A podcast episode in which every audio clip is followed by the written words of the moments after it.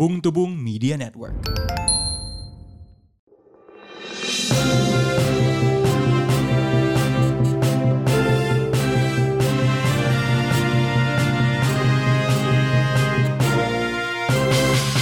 Selamat datang di podcast Bung Tubung, podcast berita mingguan yang dibawakan oleh dua bung saya Bung Ran dan Saya Bung Rin.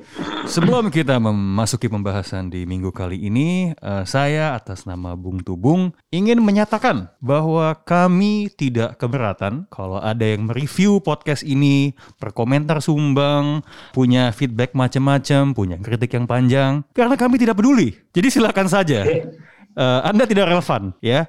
Tapi Bung Rin sepertinya banyak yang membahas soal eh, brand Eiger kalau nggak salah. ya. Saya kalau dengar Eiger itu selalu ingatnya Aaron Jaeger entah kenapa. Yang leader saya, ya. Iya kan jeger-jeger gitu. Nah, yang mempublikasikan sebuah surat yang isinya mengkritik eh, menyatakan keberatan terhadap review atas produk apa ya sepeda kalau nggak salah ya ya salah satu produk Eiger lah yang diposting tahu seseorang produk mereka apa sebenarnya. Jujur saja. anda ini bukan anak alam ya sepertinya ya Iya. yang di video review di YouTube gitu itu saja sudah merupakan sebuah anomali ternyata review itu tidak dibayar juga Oh, oke.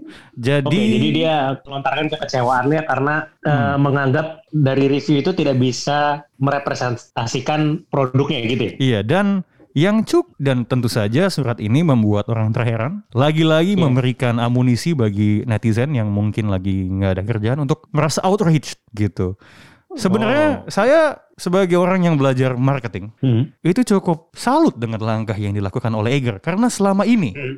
kita biasa mendengar istilah consumer feedback. Sekarang ada Iya. producer feedback. Oh ya, jadi ternyata saling ya. Iya. Dari dua pihak. Bener, ini kan yang disebut dengan komunikasi dua arah sebenarnya dalam arti sebenar-sebenarnya, Bung. Iya betul. Jadi tidak hanya memberi tapi juga menerima Betul. review.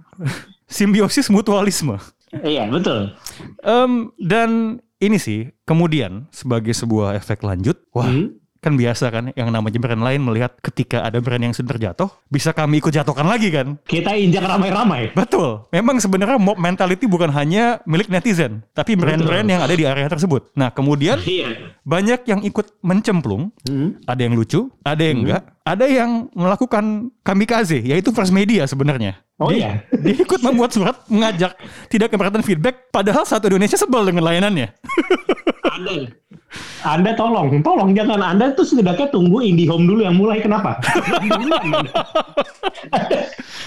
Oh, Anda ngapain? Saya maksudnya pas lihat yang first media kayak sebenarnya dia tidak salah berkomentar, hanya terlalu cepat, terlalu tergesa-gesa. terlalu cepat. iya, Anda memang first media harus selalu menjadi yang first. Betul. Nggak nggak Ya bisa dia second tuh nggak bisa. Nggak bisa, nggak bisa, nggak Iya. bisa. Dia harus Berkebalikan first. dengan speed internetnya ya. Oh iya betul. Ke first itu.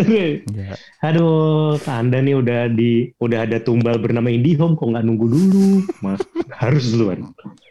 Ngomong-ngomong soal komentar-komentar ya di internet, Hmm. ini sepertinya ada orang yang cukup terkenal yang terkena susah karena komentarnya. Hmm, hmm. permadi aktivis. Abu Widow.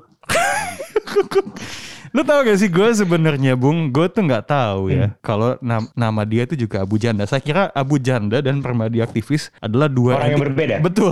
Ternyata pas saya cek lebih dalam, oh ternyata sama gitu. Oh iya iya. iya. This dude yang pakai belangkon yang berisik gitu kan. Nah, Iya, Abu Widow.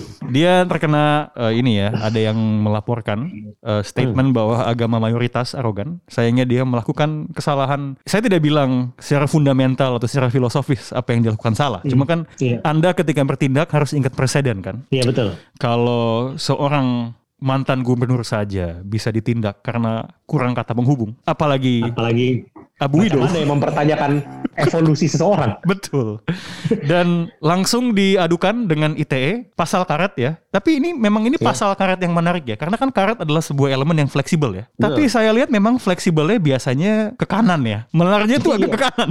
Jarang sekali ke Iya. kiri saya lihat ya. Tinggal tunggu waktu ya maksudnya dari mulut Abu Widow ini keluar Hmm. hal dia terjerat sama omongannya sendiri. Hmm. Kadang dia merasa paling nasionalis kan dia suka menganggap dirinya seperti itu kan. Padahal dulunya dia cukup ini juga suka reenactment eh, perang-perang salah satunya perang-perang ini salah satunya dia suka mengenakan kostum Nazi dulu. Oh bener dia melakukan Nazi salut kan. Hmm, hmm. Jadi sebenarnya ideologi Dan itu dia apa? Saya bilang, juga bingung. dia- iya, dia tuh kayaknya memang suka kerusuhan aja, Hmm. kayaknya ya. Harusnya kita sebut dia Abu Hitler ya. Kalau kalau dulu ya. Aduh, orang-orang ini ya. Tapi kan kita Iya. juga tahu ya kalau mungkin dulu dia mengidolakan eh, Adolf. Sekarang kan Iya. dia mengidolakan sang Hokage kan. Iya. Dan sang Hokage kemarin diberitakan dia kecewa bahwa PPKM tidak efektif. Apakah Anda setuju dengan kekecewaannya, Bung Rin?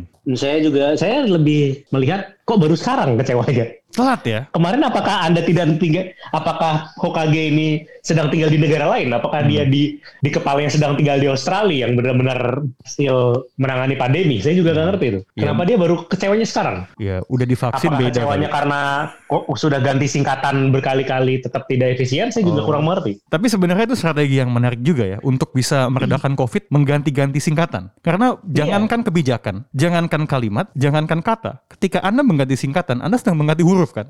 Unit terkecil di dalam makna dalam bahasa apa pun huruf. Iya, maksudnya dibilang PPKM tidak efektif ya. Sedari kita kecil, pelajaran PPKN pun sudah tidak efektif kan. Apa bedanya coba? Namun di sini memang terlihat gimana pun apa pun masalahnya, apa pun pandeminya, selama masih pendekatannya dengan singkatan-singkatan dan istilah-istilah ini memang membuktikan kalau sebenarnya Orde Baru ini tidak pernah pergi dari Indonesia. Oh iya, betul betul betul betul. Memang karena itu kebiasaan yang dibawa sejak zaman Bapak Pembangunan kan. Betul. Yang penting singkatan dulu, bikin istilah. Aduh. Singkatan dulu, sembuh COVID kemudian.